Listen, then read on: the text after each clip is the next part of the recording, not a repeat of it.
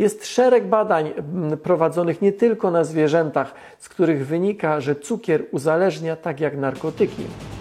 Osoby, które dwa razy dziennie piją napój słodzony, mają o ponad 25% większe szanse na zachorowanie na cukrzycę typu drugiego niż osoby, które takich napojów nie piją. Jednym z największych źródeł cukru są płatki śniadaniowe. Cukier dodawany jest nawet do produktów mięsnych. Można go znaleźć w kiełbaskach czy w pasztetach.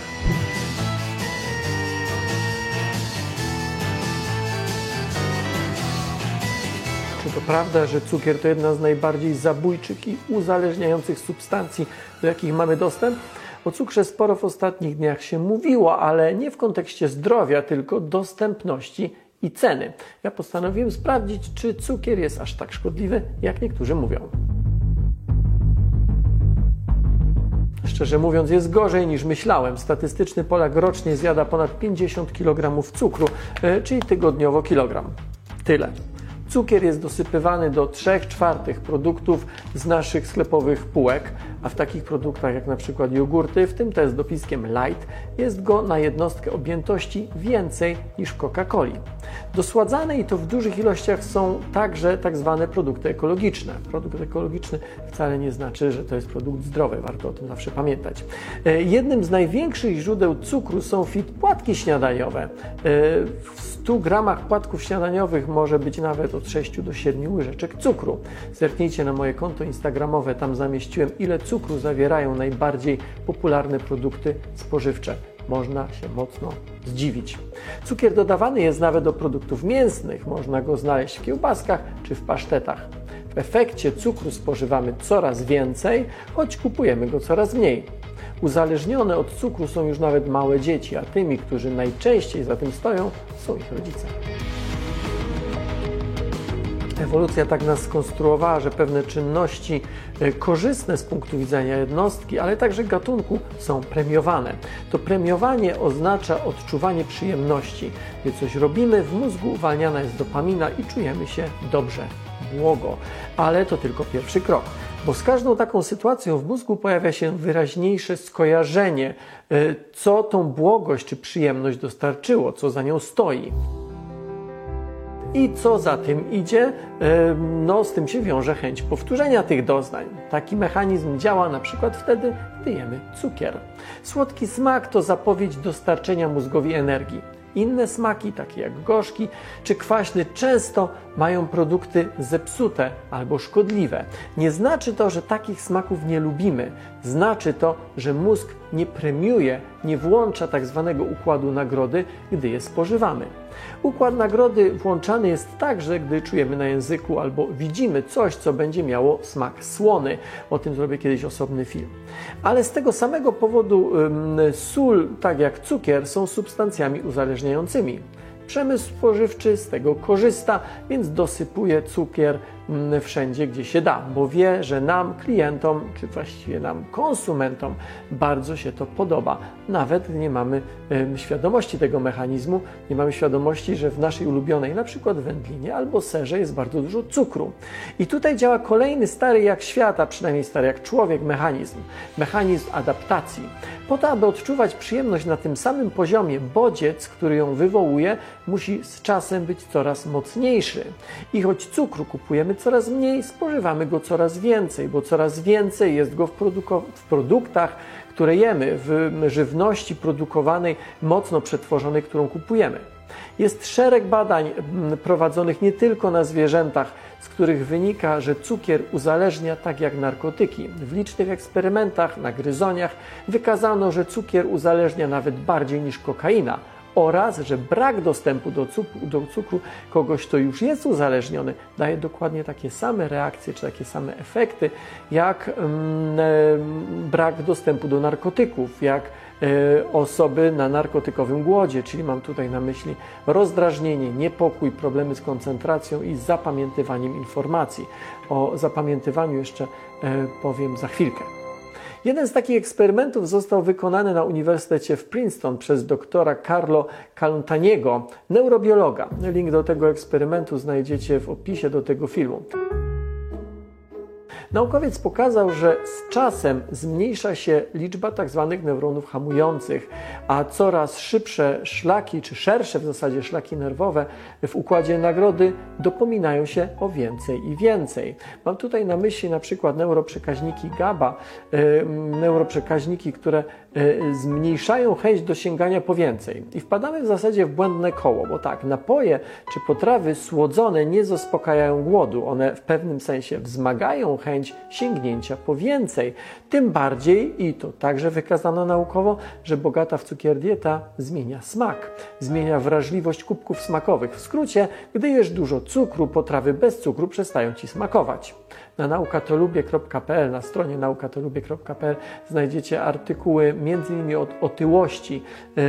W najbliższej przyszłości zrobię o tym też film, ale zachęcam Was do przeczytania tego już teraz żeby jednak nie było aż tak pesymistycznie, e, opowiem o innych badaniach. Na, uniwersy, na Uniwersytecie Macquarie w Sydney w Australii przeprowadzono eksperyment, z którego wynikało, że osoby, których dieta była bogata w cukry, miały zaburzony mechanizm sytości i głodu.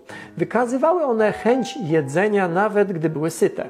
Ale, i to jest dobra wiadomość, osoby, których dieta była uboga w cukier, nie odczuwały potrzeby czy chęci do jadania. Na Uniwersytecie Kalifornijskim przeprowadzono eksperyment, z którego wynikało, że odstawienie cukru albo mocne ograniczenie go pozwala w dużym stopniu odwrócić zmiany, jakie cukier powodował w mózgu czy w receptorach.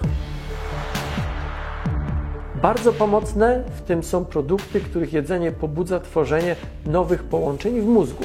Z kolei w szpitalu uniwersyteckim Charity w Berlinie wykazano, że niekorzystne zmiany powodowane przez nadmiar cukru można zniwelować uprawiając ćwiczenia fizyczne, mając aktywny, e, aktywny fizycz, aktywne fizycznie życie.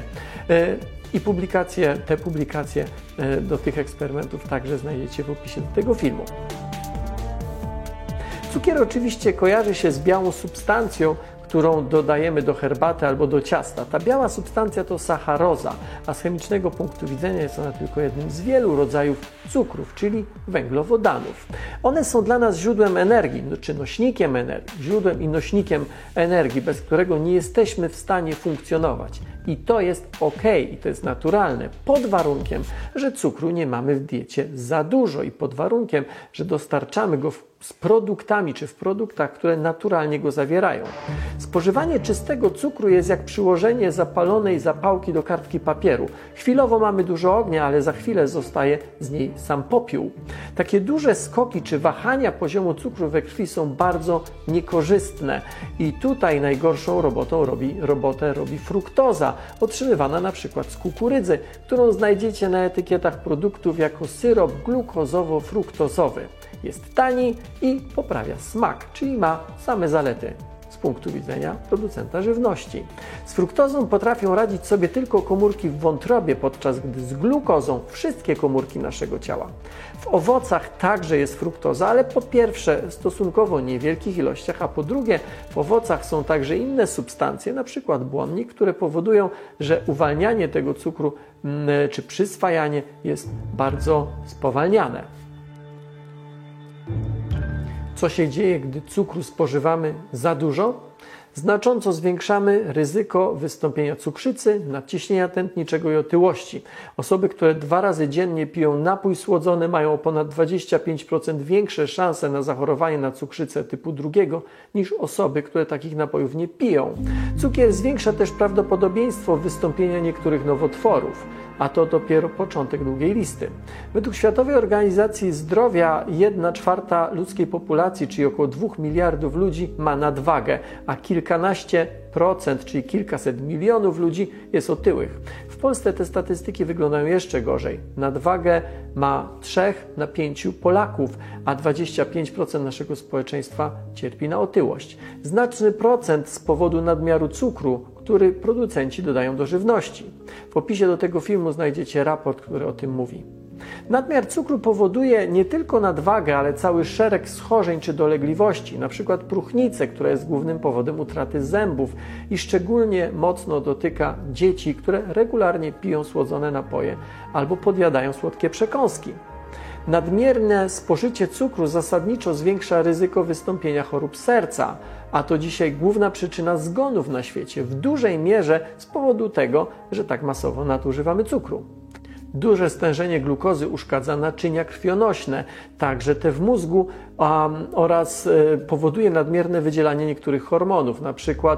androgenów, a to powoduje m.in. zmiany skórne, w tym trądzikowe i to dotyczy szczególnie osób młodych. Nadmiar cukru powoduje także spowalnianie funkcji poznawczych w mózgu, utrudnia koncentrację, powoduje kłopoty z pamięcią oraz powoduje nadpobudliwość. Istnieją badania, które wiążą nadmiar glukozy z zaburzeniami koordynacji czy motoryki u dzieci, a powodem tego stanu rzeczy, tych stanów rzeczy jest to, że nadmiar cukru zaburza produkcję neuroprzekaźników, czyli tych związków, które są odpowiedzialne za przekazywanie informacji czy impulsów pomiędzy komórkami nerwowymi. W eksperymentach na gryzoniach wykazano ponad wszelką wątpliwość, że cukier zmienia sposób działania przynajmniej kilkuset genów w komórkach mózgu, w tym genów odpowiedzialnych za procesy metaboliczne, e, za stany zapalne oraz tych, które są związane z komunikacją pomiędzy komórkami nerwowymi.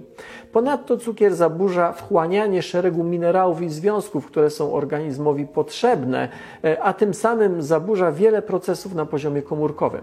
Tę listę można by ciągnąć dalej, chociażby o zaburzenia w funkcjonowaniu układu odporności. Patrząc globalnie, cukier jest jedną z najbardziej szkodliwych i najbardziej uzależniających substancji, jakie znamy. Z raportu, jaki znajdziecie w opisie do tego filmu, wynika, że nadmierne spożywanie cukru, e, otyłość i związane z tym konsekwencje zdrowotne mogą oznaczać dla przeciętnego Polaka skrócenie życia o kilkanaście lat. Nauka to lubię. Nie tylko na Facebooku, YouTubie, zerkajcie na wszystkie nasze inne profile, na stronę naukatolubie.pl, e, na Instagrama, e, na LinkedIna czy na Twittera. Dziękuję bardzo za uwagę.